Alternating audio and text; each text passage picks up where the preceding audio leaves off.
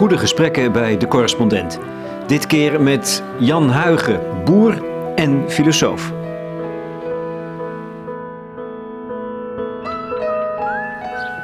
Zo, wat een heerlijke atmosfeer, Jan. Hier. Ja? Ja, Dat proef jij?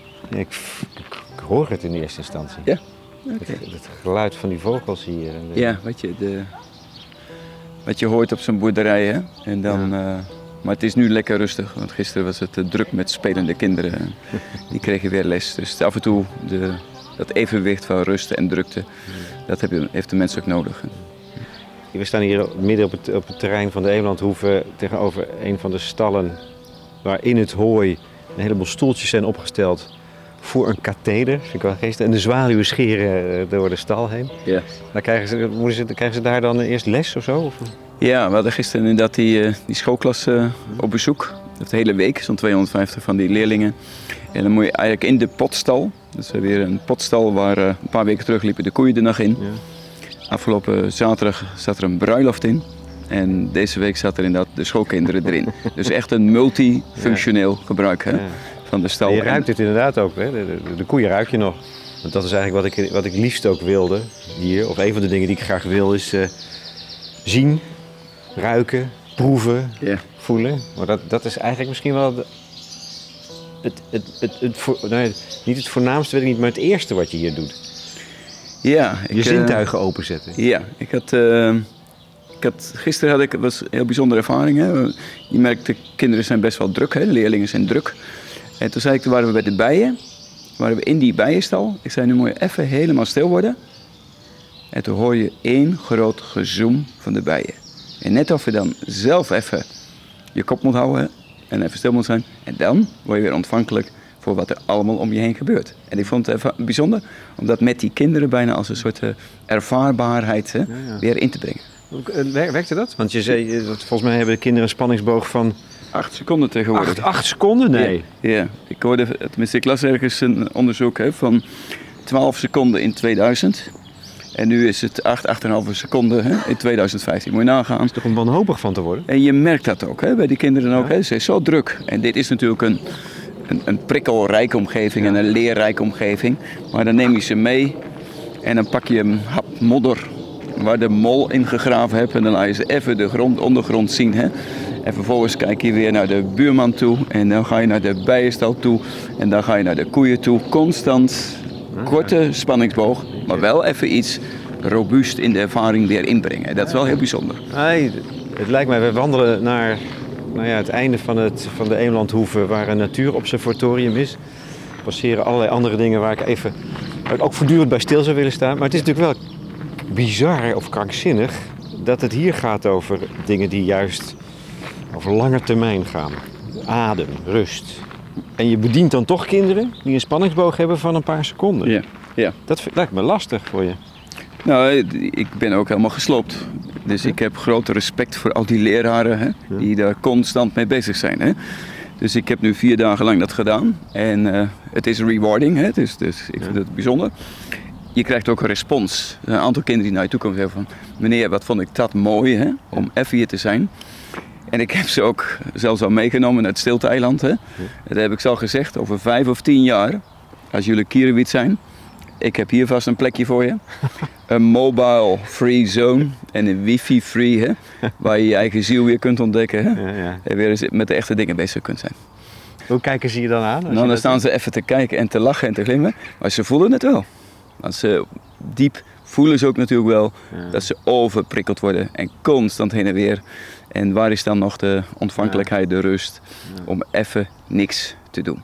Even de stilte de leegte in te gaan en dan eigenlijk weer eh, te ontvangen en de wonderlijke dingen naar je toe te kunnen laten komen. Herinner jij je dat zelf als kind ook? Ja, ik was natuurlijk een, eh, een boerenjongen. Hè? Ja. En dan ga je om met de dieren. Hè? Dus ik was, voor mij waren de, de kalveren, hè? dat waren mijn vriendjes. Dus daar ging je naartoe. Dus daar ging je met je hoofd op liggen. Hè? Ja. Bijna knuffelend. Hè? Dan merk je inderdaad die bijna intimiteit in de vertrouwdheid met zo'n dier. Hè? Dat is natuurlijk een soort gewaarwording die natuurlijk heel diep naar binnen gaat. Ja. Of, hè, eh, ik kan me als kind ook nog herinneren, dan ging je, ging je mee hooien. En dan zat je in dat, eh, in dat weiland. En op een gegeven moment dan zie je dat die sterrenhemel komen. Dat enorme, immense. Hè? Wauw, jongens. En dat voel je, je je klein en je nietig. Hè?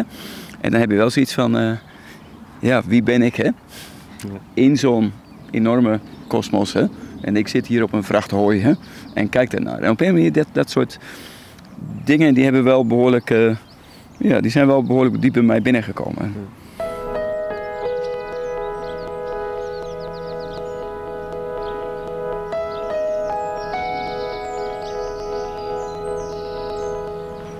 Wij lopen, we slenteren, we sloffen een beetje langs tuinen.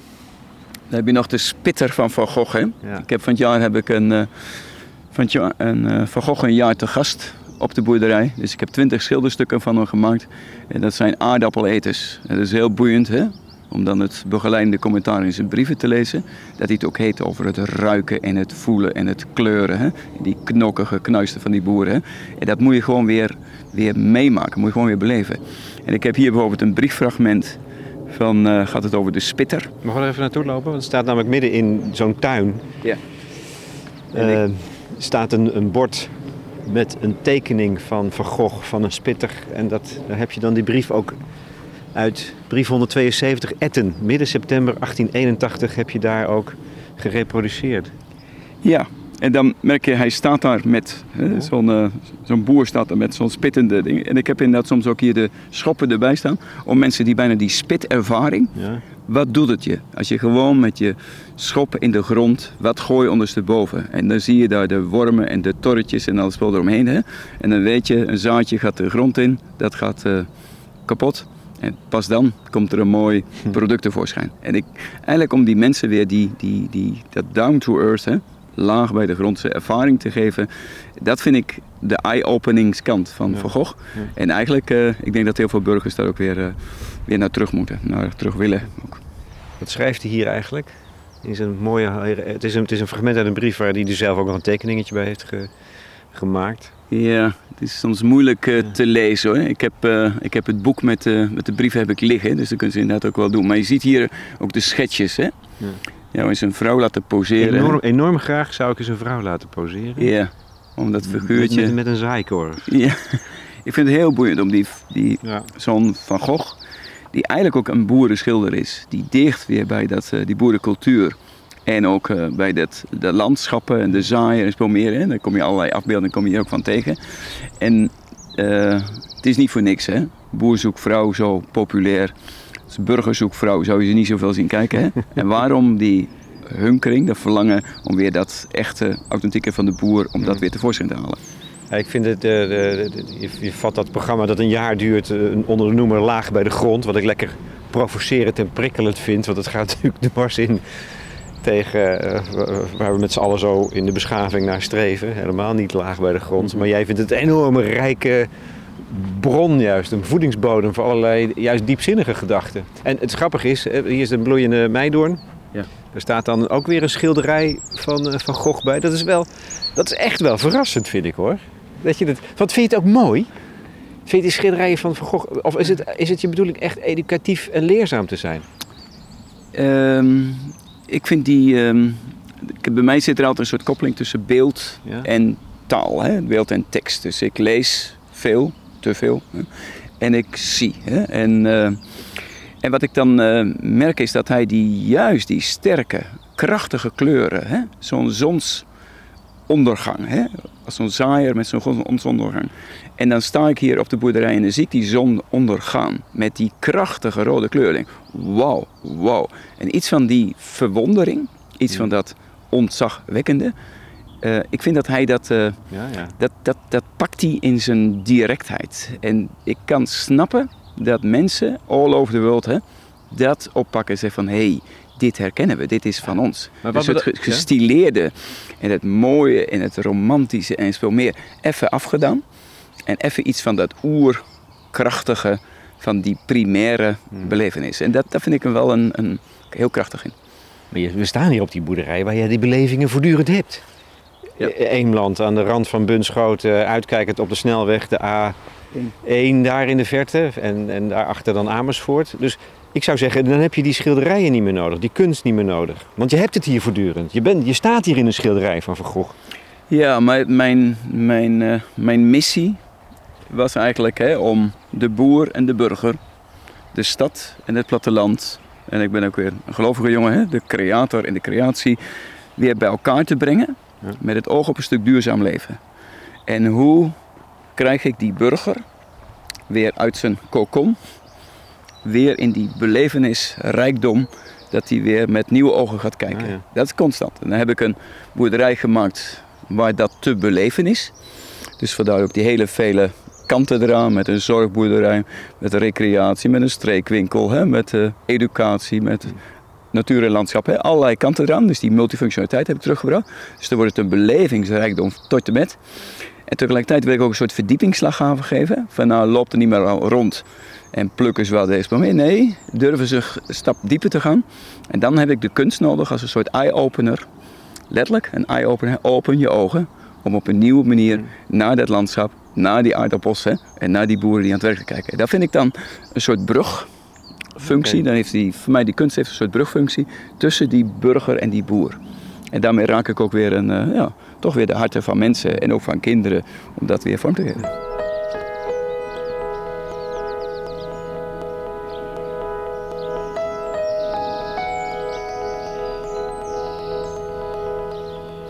We zijn als boer ook verkokkerd. We zijn helemaal op onszelf. En dan zie je het model groter, groter, groter ontstaat. Wat zie je bij mijn buurman. Ja, oh ja. De grootste boer van Nederland. Ik ben een gigantische scheur staat daar. Voor, uh, wat is een melkveehouder? Voor melk, melkveehouder. Ik ben de breedste boer. Ja. En we hebben nu een excursie. De grootste en de breedste boer. En dan leer je mensen weer nadenken van ja, er zijn meerdere routes van landbouw mogelijk. En tegenover de globalisering zet ik de regionalisering. Tegenover het sterke vertechnisering van het systeem stel ik een soort ecologisering. Hij isoleert zich in die zin wat meer. Hè? Dat hij zegt van ik kan het zelf redden. Ik verbind me meer met de burgers. En dan komen er twee hele manier, nieuw, nieuw manier van denken komen tevoorschijn. Two farms, two paradigms. Hè? Twee manieren. En dat vind ik boeiend om dat ook in de discussie, in de maatschappelijke discussie weer in te brengen. Want geloof jij dat er in Nederland plaats is voor zo'n boer als je buurman schaap. Het gaat over uh, opschalen, zo groot mogelijk worden. Um, terwijl uh, er gaan geluiden op dat er in Nederland geen plaats meer is voor intensieve landbouw en veeteelt. Is er toekomst voor dat soort bedrijven? Of is er alleen nog maar toekomst voor het soort bedrijf dat jij zelf hier hebt ontwikkeld? Nee, ik, ik uh, in dat denk in schablonen of dit of dat. Ik was er al bang voor. Geloof ik niet, hè? Uh, je hebt eten nodig, je hebt melk nodig. Nederland is in dat opzicht een, een, een bijzondere delta. Hè? Een rijk bevruchte bodem. Ik ben in uh, Portugal geweest en daar is hartstikke droog. Wees blij dat hier regent. Hè? En ik zie de ontwikkeling die op dit moment doorgaat, is dat er een aantal hele grote jongens in Nederland overblijven. Hè? Dat gaat van 40.000 bedrijven naar 30.000, naar 20.000. Dus een aantal van die grote zullen ook steeds groter worden. Alleen mijn kritiek is, als dit het enige model van landbouw is, dat vind ik te beperkt. Platteland heeft veel meer te bieden. Dus creëer naast dat model, wat sterk gesupport wordt vanuit de overheid en eigenlijk in het beleid en in het onderzoekspoor meer, creëer ook die diversiteit weer naar andere typen van bedrijven die andere functies ook oppakken. En ga daar weer, ja, durf weer eens een nieuwe route te ontwikkelen. En dat was mijn discussie ook met Manshold. Manshold, hè? Sikko Manshold. Met Manshold, hè? Die eigenlijk in een soort periode zat, we hebben honger. Dus we moeten produceren. En daar hebben we een heel efficiënt technologisch systeem voor ontwikkeld. En nu zien we de consequenties daarvan. Ik denk van nee, Manshold, er zijn meerdere routes naar Rome. En laten we ook andere uh, landbouwsystemen ontwikkelen. En daar, dat was eigenlijk een beetje mijn, uh, mijn ontwikkelmodel hè, van die multifunctionele landbouw. Ja, ja. En dat verdiept zich nu naar regionale voedselcultuur, en dan denk ik van, uh, laten we alert blijven. Voedselsystemen zijn zeer kwetsbaar geworden. Er zitten een hoop uh, machtsfactoren omheen. Er roept maar wat er gebeuren aan de logistiek of de technologie of de politiek. Hè. En moet eens kijken hoe kwetsbaar dat zijn. Bouw alsjeblieft ook weer aan regionale voedselculturen om stad en land op die manier weer van voedsel te voorzien. Ja, ik, ik, op een of andere manier heeft me altijd Zullen we gaan zitten trouwens? Er staan hier twee zeer aftanse stoeltjes. Je moet even kijken dat die... Uh... Ja. Mijn, rug, mijn rugzakje We zitten hier dus echt eigenlijk midden in de wei. Een paar uh, kalveren daar. aan de overkant van de... Die horen dan... Zijn van jou? Daar lopen mijn koeien. Ja, daar lopen achter lopen mijn... Ik heb 50 zoogkoeien, hè, blonde Daquitaines. Dus die worden gehouden voor het vlees. Ja. Dus het onderscheid van melkvlees en vlees, vleesvlees zit daarin. En hieromheen ligt mijn eh, weiland. En we zitten nu op het eh, stilte-eiland om even lekker eh, Ja. Te kletsen. te praten hè, over stad en platteland. Want daar zie je de stad, hè, Amersfoort, Ja. de torenflats. En dan zie je hoe dichtbij hè, de stad eh, Ja. bij het platteland komt. Echt, ik vind het hier geweldig. Man. Fantastisch eigenlijk. Zit je hier va- vaak? Zo in je eentje? Of heb je het gewoon eigenlijk ook veel te, veel te druk met die brede boerderij? Nou, ik, ik, eh, ik, ja, er zit wel, ik heb wel veel aan mijn kop. En eh, het is niet alleen de boerderij, maar ook op regionaal vlak, op nationaal vlak, Europees vlak en tegenwoordig zelfs op mondiaal vlak hè, komen ze naar je toe. Om toch na te denken over van, nou, welke route van landbouw, eh, hoe creëer je een duurzaam voedselsysteem, hoe hou je de ecologie en de economie bij elkaar. En ja, daar hebben we natuurlijk een soort model voor ontwikkeld. Waar van alle kanten komen ze daar naar je toe. Dus gisteren was hier nog een soort eh, tv-opname voor, eh, voor Brunei.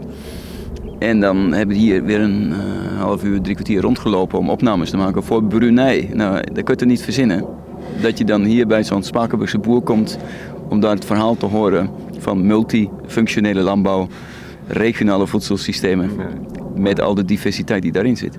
Met andere woorden, je, zit hier, je, je, kan, je hebt het zo goed gedaan. Je doet het zo goed dat je hier nooit meer eens even rustig kan gaan zitten. Jawel, wel, want ik, eh, ik heb eh, iets van rust te midden van de woelige baren. Dat is een beetje ook. eh, ik creëer ook die, die rustplekken. Het is nou ook voor mezelf. Hè, dat ik hier zo'n plek heb waar ik gewoon terug kan trekken en ze me niet zien. En dan kan ik hier gewoon lekker zitten. Ik wil straks hier nog mijn, mijn kapelletje bouwen. Hè. Dan is het echt rustig hier. En dat is dan een mobile free zone. En wifi free. Dus daar kom je eigenlijk ook niet. En ik heb thuis, ik heb boven ook daar een studeerkamer. En daar trek ik me ook soms eh, terug. En dan zit ik gewoon lekker in de stoel te lezen. Terwijl de rest eromheen, dat loopt door. Het heeft me Jan, Jan Huigen, verbaasd dat jij ook Sikko Mansel toch als een van je, om daar nog even op terug te komen, als een van je leermeesters beschouwt. Terwijl, als je het boek hebt gelezen, De Graanrepubliek, Ja.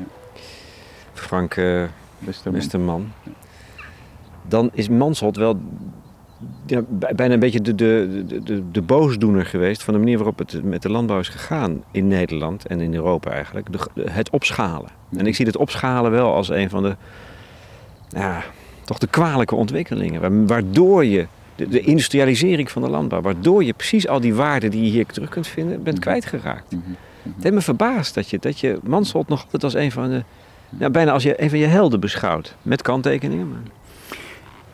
Nou ja, ik, ehm, je moet zo'n man ook in zijn context plaatsen. Het is een, in die zin een grootmeester. Hè? Net zoals Van Gogh. Hè? Een grootmeester was en een soort schilderroute uitgezet heeft. Is hij een grootmeester geweest als het gaat over het uitzetten van een landbouwroute. Hè?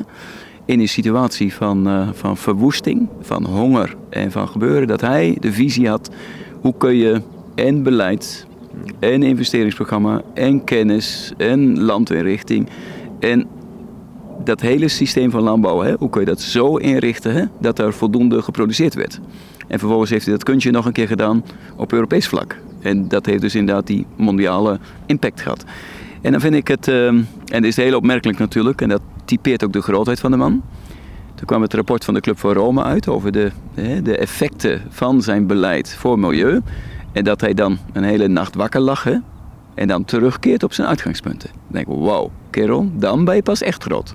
Dat je de guts hebt om je eigen uitgangspunten opnieuw onder de loep te nemen en zeggen van, het moet anders. Nee, snap ik. Dus- kon het niet meer, het was te laat. Wel. Het was te laat, toen is hij heel radicaal geworden. Hè? En daarna hebben ze inderdaad ook eh, aantal vriendjes die Mansholt prijs ingesteld. Eh, hè? En dan zie je ook, dan komen de nieuwe bewegingen. Hè? Carlo Petrini van de Slow Food beweging uit Italië. Frans Fischler, een oud eurocommissaris die met het plattelandsbeleid, de tweede pijler, aan de gang gegaan is. Toen kwamen ze bij mij omdat ik in die landbouw, een soort nieuwe beweging, hè, eh, ging vormgeven. En denk van nee, dat is in onze tijd opnieuw de opgave om dat te doen. En dan kijk ik met veel respect naar deze grootmeester die in staat was om zo'n route opnieuw uit te zetten. En dan, dat vind ik knap. En daarvoor, en dan denk ik van nou, dan kijk ik nu naar mijn Mansholt makkers. Hè? van zijn wij in staat om voedsel, de breedheid van het platteland en binnen de landbouw zelf opnieuw, als het ware, bijna een soort ontwerp te maken naar zo'n route voor de toekomst toe. Tragisch was het wel. Heel tragisch was hij aan het eind ontdekt van ik heb het verkeerd gedaan. Ja, ik weet niet of het, eh, er is net een toneelstuk, hè, gaat eruit, hè? een prachtig toneelstuk. eh, In boerenschuren wordt dat eh, opgetreden. Hè? En dan merk je inderdaad ook van, ja, iemand die zei eens een keer, eh, te net, dat, dat is ook een beetje mijn moeite met Mansholt, eh te net of die innerlijk niet gerijpt was. Iemand zei, het is bijna een groot kind. Zoals de vrouw met hem staat te praten. En dat hij, net of hij daar, eh, ja, dan gaat hij ook met hele radicale mensen in zee. Hè? En dan heb ik mijn andere grootmeester, hè? dat is dan Dag. En die merk ik, ja, die, die was innerlijk veel meer gerijpt. Ook om maatschappelijke posities in te kiezen. En tegelijkertijd van binnenuit ook een, eh, een route te maken. Dat vond ik, eh, ja, dat vond eh, op dat vlak heb ik dan, leer ik dan meer van, man, van Hammarskjöld als van... Het woord rijping is misschien wel, dat is volgens mij een heel belangrijk begrip voor jou. Wat, jij schreef mij een e-mail nadat ik je per telefoon had benaderd en toen ben je dus gaan googlen. Dat, doe dat doen mensen die geïnterviewd worden tegenwoordig altijd. Dat heb ik wel gemerkt. eventjes, ja. Ja, maar goed, dat, dat doet iedereen. Ja. En dan schrijf je mij een mailtje van eh, dat, dat, dat je ziet dat ik gerijpt ben. Hmm. Verbaasd me, trof me ook. Hmm. Maar wat bedoel je dan? Waarom vind je dat zo belangrijk? Het lijkt wel een soort kernbegrip te zijn eigenlijk. Hmm. Voor, jouw men, voor je mensbeeld. Ja, voor mij. ehm, ehm, als je het beeld uit de natuur hebt van een, eh, een vrucht die, eh, die groeit. En dan gaat de zonlicht, zon komt erop.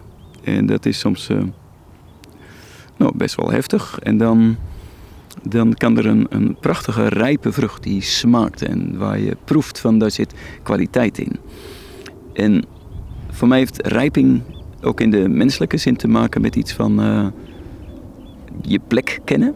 Wie ben jij? Wat is jouw talent? Wat mag jij bijdragen? Ook iets van de wilde haren en de wilde ideeën. eh, dat heb je wel gezien, hè? maar daar ben je inderdaad eh, doorheen gegaan. En je hebt beproefd wat nu echt is of wat niet echt is. Eh, heel vaak is het ook een kwestie van loslaten van wat je altijd dacht dat je was. En er zit een soort rouwe, rouwproces omheen. Maar om wel te ontdekken wat echt van jou is. Hè? En ik vind het altijd wonderlijk als je dat soort mensen tegenkomt. Dat daar een soort. ehm, ja, die hebben een soort innerlijke kracht, een innerlijke overtuiging. Er zit iets schoons in, iets bijzonders in. En dat vind ik, vind ik ehm, ja, bij alle hectiek die je vandaag ziet. Mensen niet meer de rust hebben. Altijd maar lopen te rennen van de ene hype naar de andere hype. Kijk ik inderdaad naar die, naar die lagen eronder. Naar de gerijpte mensen. En kun je, met die mensen kun je iets opbouwen. Nou, ik zal het eh, koesteren. Heb jij wel eens op je schreden terug moeten komen? Dat je dacht van ik zit fout. Is dat voor jou ook een...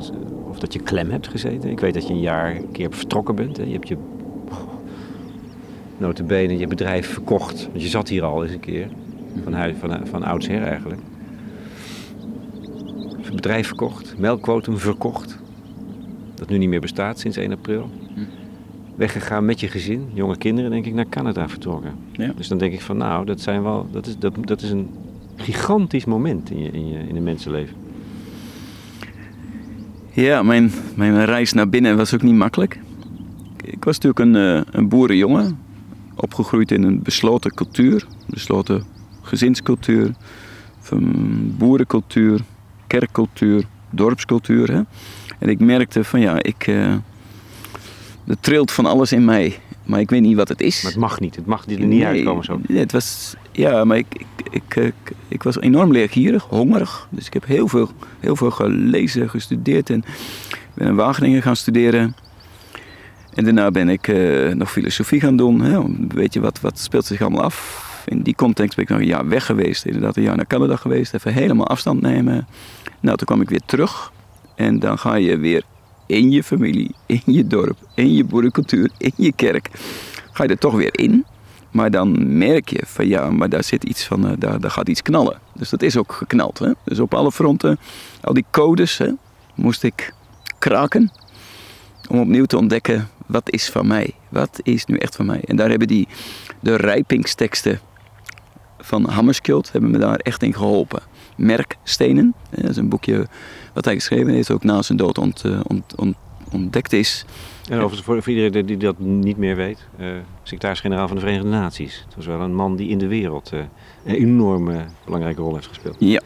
En, uh, Zomaar iemand. Nee, het is wonderlijk, wonderlijk. Dus daar heb ik heel veel aan gehad. Maar ik moest dat zelf ook toepassen. En toen dacht ik, ja, maar wie ben ik dan? Wat is van mij dan? En toen merkte ik van ja, ik heb te veel boerenbloed om dat los te laten. Dus ik wil weer boer worden. Maar hoe dan boer? Klassiek. Hè? Grote, grote, groot. Of nee, toch anders. En toen ben ik uh, hier op deze boerderij, op deze plek, ben ik compleet opnieuw begonnen. Een boerderij plus. Ik heb het toen getypeerd als een postmoderne landbouw. Ja, ambtelijk kwamen ze ook met moeilijke taal. Ik dacht van nou, dan moet ik wat moeilijke taal tegenover zetten. Dus daar hadden ze ook nog nooit van gehoord, postmoderne landbouw. En toen ben ik hier uh, begonnen met een boerderij plus. En dat heb ik stap voor stap mogen ontwikkelen. En toen kwamen al die functies kwamen los. Nou, in het begin is dat natuurlijk uh, raar. Dat je als boer de code van grote, grote, groot kraakt. En zegt van ik ga het brede, brede, breedst. Dat ik met natuur en landschap aan de gang ga om die ecologische waarden weer opnieuw voor het voetlicht te halen. Een boer heeft die ecologische ruimte om dat in dat te doen daarna met die voedselcultuur opnieuw uh, stappen gaan zetten. En dan merk je ja, kennelijk raak je die basisvragen, het lef om die basisvragen opnieuw te stellen. Van wat is nou landbouw? Het Engels een prachtig woord hè, agriculture, de cultuur van de agri. En dat is zorg voor een bodem, voor een mooi product, voor een landschap, voor de dieren, en ook voor de mensen. En zelfs voor die volgende generaties. Hè. Komen al die kindertjes langs. Hè. Dat je die zorg weer overdraagt en weer vormgeeft. Nou, en sindsdien merk je, ja, dat concept is uitgebreid, verdiept. Boeren hebben dat gekopieerd. Hè. Boeren die loeren. En die zeggen van, nou, dan wil ik ook zoiets gaan doen. En dat is niet alleen maar lokaal, regionaal, nationaal. 2008 ben ik Europees gegaan. Ja, en nu ben ik bezig met de global level. Hè, dat mensen ja, uit verschillende delen komen hier vorig jaar met Koningsdag kwam er een patriarch van Constantinopel. Ja, wie kan dat verzinnen? Hier. Hier op deze boerderij op bezoek. Het vriendje van de paus. Obama kwam op bezoek bij de patriarch, zo moest ik het uitleggen. Dat is die man. Nu is er een prachtig boek uh, verschenen daarvan. En dan merk je van ja, als je de echte basisvragen weer stelt, hè, wauw, dan gebeurt er ook wat. En ik ben nu, en ik ben nu weer zo'n basisvraag aan het stellen rond het bezit. Waarom moet ik hier alleen deze boerderij hebben? Bezit leidt tot bezetenheid. Moet maar eens kijken wat er gebeurt in die geldeconomie.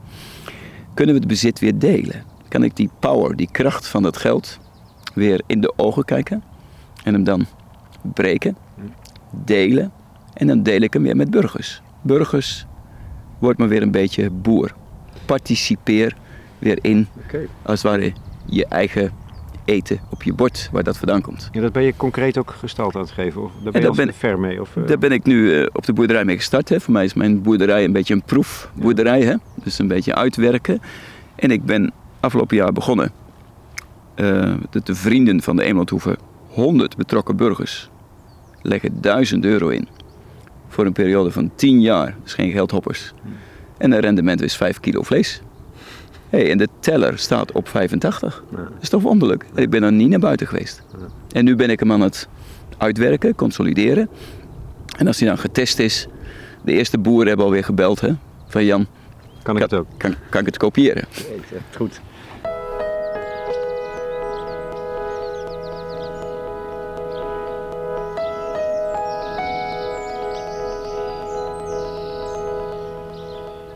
Maar je bent ook ondernemer volgens mij. Waar, waar verdien je nou eigenlijk het meeste geld mee? Dat is een beetje een banale vraag, maar... Ja.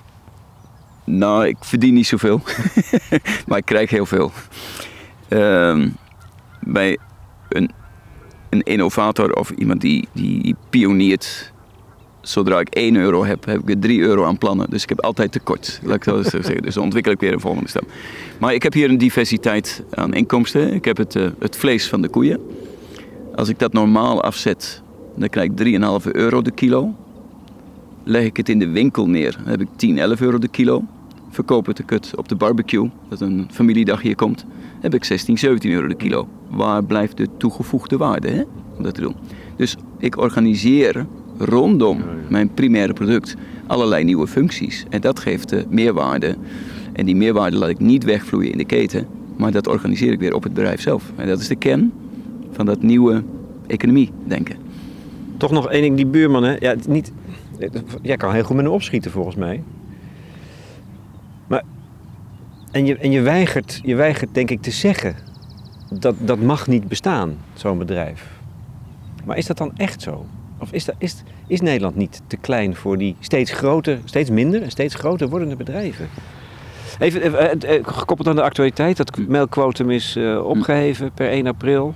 Ja. dus nu kan iedereen weer zoveel mogelijk, dat, dat was eigenlijk al bijna zo, maar toch zoveel mogelijk melk produceren. Dus nog groter, met alle gevaren voor milieu en omgeving. Hm. Ja. daar kan je toch niet in geloven, Jan? Um, de economische vitaliteit van dit model is terdege nog levenskrachtig. Het wordt gefaciliteerd aan alle kanten. Ja, maar ook in Nederland is het. Ook in Nederland. Hè. Deze boer heeft natuurlijk al een grote stal gebouwd voor zijn vierde melkrobot. Het is ook fascinerend, hè? Melkrobot, mestrobot, voerrobot, lichtrobot. Fascinerend om daarin te kijken. En daar rond te En daarom ga ik ook met excursie grootste en breedste boer. En tegelijkertijd zie ik hè, mijn overburen die daar zitten. Hè? Sommigen zijn 60, 65. Geen opvolgers. Want je moet heel wat laten om zo'n boerderij over te nemen. Wat gebeurt er straks met die grond? Nou, de optie is ja. Dat hij nog een keer verdubbelt. Dus ik zie die, die, die, die kracht, toch grootschaligheid, uh, die zie ik nou wel uh, voorlopig nog even doorgaan. En die Chinezen, dat, en daarom moet je een beetje alert blijven, die komen daar ook kijken. En die zeggen, dit kunstje, dat is natuurlijk een technisch kunstje, dat kunnen we ook. Maar dan tien keer zo groot. Ja, en dan, zie je. Hij is afzetmarkt kwijt. En dan zie je, dat kan. Maar voorlopig dan wordt hij nog wel innovatief. En ik, nee, ik mag nog niet helemaal vertellen wat ik uh, aan nieuwe plannen heb. Hè, maar. Uh, dat vind ik wel jammer. Ja, ik moet, soms moet ik een beetje doseren ja. om dat te doen. Maar de wonderlijkheid is ook wel, hij produceert melk. Hè? Ik produceer vlees. Maar durf ook na te denken over de realiteit. Amersfoort, 130.000 mensen vanuit mijn boerderij alleen kan ik die nooit van eten voorzien. Dus je hebt ook een stuk technologie, productie nodig om dat te doen. Alleen de manier waarop, daar kun je verder over doorpraten. En ik vind het, mijn discussie met hem is, stel dat we wat met elkaar zouden doen. Nu staan de koeien binnen in de stal en de melkrobots hè, vanuit het technische systeem laat het niet toe om ze naar buiten te laten. Mijn zou zeggen, jongen, je bent technisch zo slim. Stuur die melkrobots ook maar mee naar buiten toe, naar die koeien. En laat die koeien wel buiten lopen. En dan krijg je weer dat schurende van die beide verschillende routes, hè, van die beide paradigma's. Dat geeft boeiende innovatie. Maar dat vraagt wel een soort mentale openheid. Een stuk moreel respect. Ik heb de laatste tijd nog een nieuwe dimensie ontdekt. Een liturgische ruimte. Soms om het samen even niet te weten. En pas dan komen de echte creatieve dingen weer los. Even iets langer wachten voordat je gezegd, oh zo moet het. Exact. Uithouden in de onwetendheid. Soms het even de pijnlijke vragen als pijnlijke vragen door. Er was een keer een uh, interviewer bij de buurman en die vroeg van, uh, stel dat jouw melkprijs nou eens drie jaar onder jouw kostprijs komt te liggen, wat ga jij dan doen? Het was even een pijnlijk moment. En toen kwam het antwoord, dan bouw ik een melkfabriekje. Oftewel, hij houdt van technieken. Dan ga ik naar buurman Jan toe want die heeft het regionale kanaal ontwikkeld. En dan gaan we samen Amersfoort van melk voorzien. Wauw, dat vind ik schurende paradigma's. Dat is ruimte om met elkaar naar nieuwe wegen te gaan. En hebben we het lef om dat nog aan te durven en te kunnen. Uithouden in onwetendheid, dat vind ik ook wel een. Uh, iets om te onthouden. Dat hoor, je wel, dat hoor ik wel vaker in die gesprekken. Dat het gaat om uh, het vermogen om het uit te houden. En ik vraag me.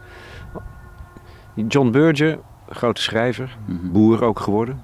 Over, over nou ja, de, de, de, de, kruisbestuiving tussen cultuur, filosofie en uh, kunst en uh, nou ja, boer zijn, het land, de aarde. Hij heeft wel eens gezegd: als, als boeren zouden verdwijnen, dan verlies je iets heel cruciaals. Hmm. Een samenleving verliest iets heel cruciaals. Ehm, namelijk het vermogen om te overleven.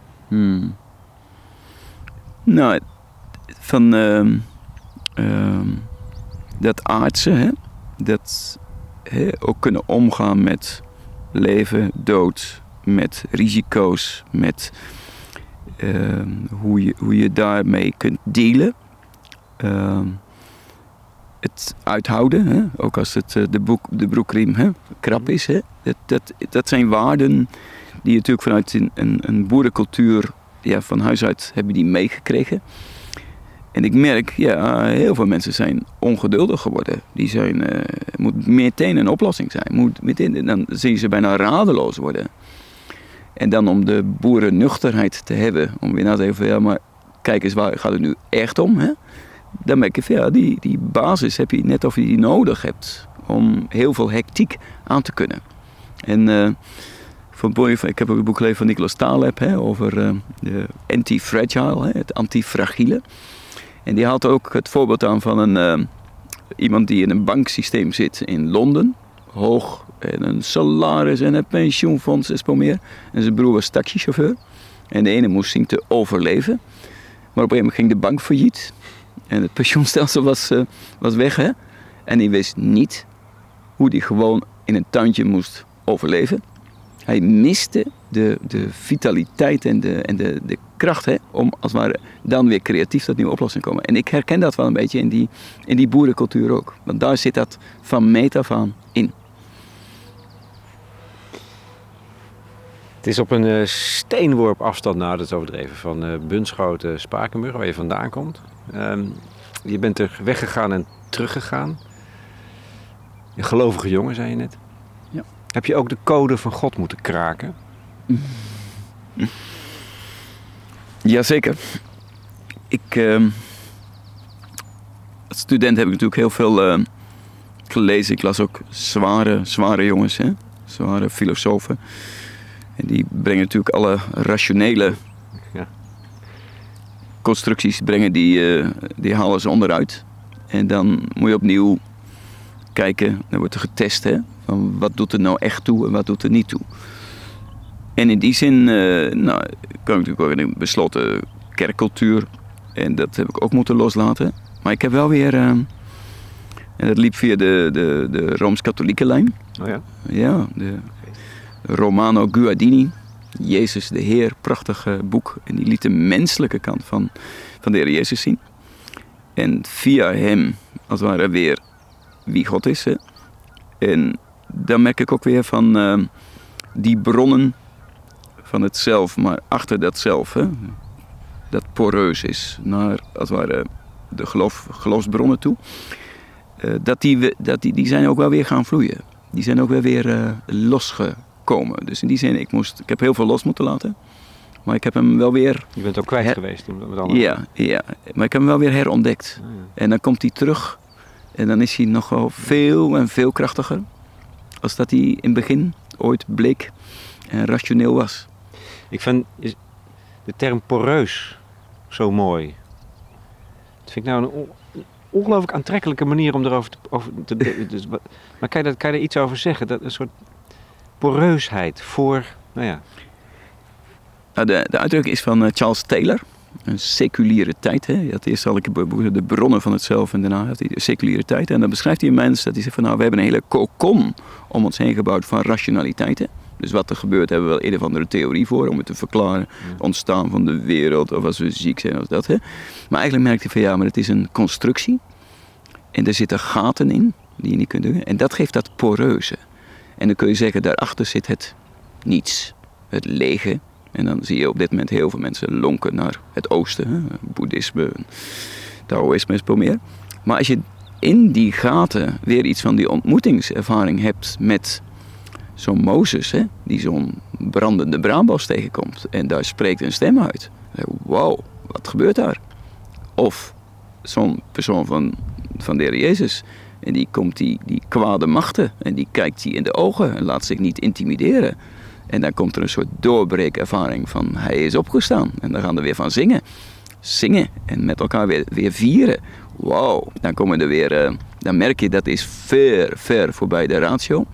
En dan gebeurt er iets, dan gaat je leven weer trillen en dat resoneert kosmisch hè, tot op de schepper. Hè. En ik kom steeds meer, dat was mijn herontdekking van het woord liturgisch, hè, van uh, um, het even stilgezet worden. De moed van de ontvankelijkheid. Niet die makende, creërende, altijd maar bezig zijn de geest. Dat ik gisteren die kindertjes meenam en zeg nu even allemaal heel stil en luister naar de zoemende bijen. Wauw. En ik weet zeker, dat soort momenten, en dat zijn maar korte vieringsmomenten, hè? maar dat onthouden ze. Dat blijven ze voelen. En die ruimte weer creëren, en ik vind dat dat is een gewijde ruimte, dat is weer een ontmoetingsruimte, een stilteruimte. Uh, ja, ik, ik verlang ernaar dat mijn boerderij ook zo'n plek zo'n groene oase plek is.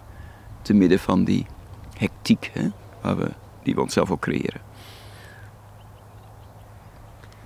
Een plek waar je weer poreus kunt worden. Waar de dingen weer gaan spreken.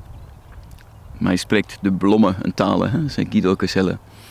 En ik vond uh, die tekst van, uh, van, nou, die fascineert me ook, hè, van Mozes met die brandende braambos. Hè. Waarom?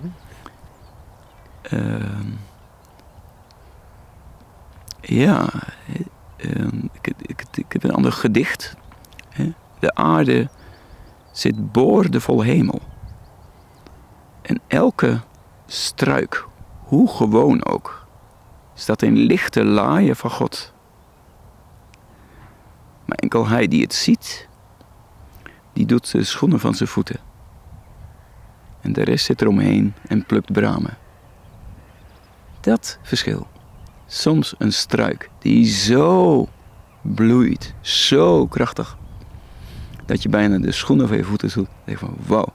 En dan dat sprekende van die schepper door zijn schepping durven wij in onze wereld die stem ook nog te laten binnenkomen, ons te laten toespreken om weer op te staan en aan de gang te gaan. Ja.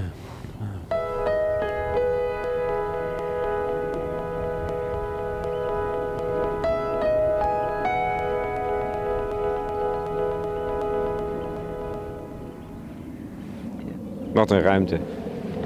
Wat is Nederland ook mooi. Mooi hè? Ah. Ja. Nee, maar dit is, ook, dit is een prachtige plek. Ja. Zo even, daar heel veel drukte. Hier heb ik een soort eiland gemaakt hè. Ja. En ik heb hem zeven jaar al terug aangelegd hè.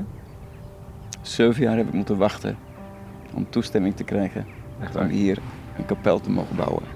En afgelopen oktober heb ik net toestemming gekregen als het Natuurobservatorium. En als je de natuur goed observeert, dan wordt je geest van eerbied stil en dan zit je in de stilteruimte. Dat is de verbinding. Maar de, de beleidsmakers, de overheid, vinden niet dat hier een kapel, als je het een kapel noemt, ja, dan mag het niet. Te gevoelig. Ja. Het is natuurlijk een, ehm, Kijk, een, een kerkelijk dorp waar natuurlijk oh, veel, veel, veel geloof is, veel religie ook is. Hè, maar dat is moeilijk te plaatsen. Dan zeggen ze bidden doe je in de kerk. of uh, ga maar werken. Hè. En hier heb ik nog zoiets van, ja, mijn, mijn visie was dit is een, een oaseplek. En die stilte, die rust, die wil ik weer mensen toewensen en geven. Hè. En over vijf of tien jaar zijn er heel veel mensen die zijn kierenwieten. En dan zijn, weten ze niet meer waar hun hart zit. En dan hier is een plek waar ze hun hart weer kunnen ontdekken. En een gesprek met de Heer kunnen voeren. En denk van, oké, als daar die... Dat is een beetje de klooster-inspiratie die ik ook heb. Hè? Ora, et labora, et lectio. Hè? Bidden, werken en studeren. En ga, ga dat maar weer als nieuwe broedplekken, nieuwe oaseplekken. Hè? En dat mogen meerdere plekken in het land zijn. En ik heb al een soort uh, eerste ontwerp voor een orde van de oasis geschreven. dat het op meerdere plekken weer kan, uh, kan, uh, kan loskomen.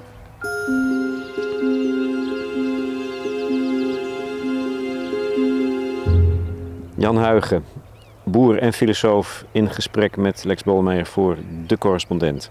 Op de Eemlandhoeve.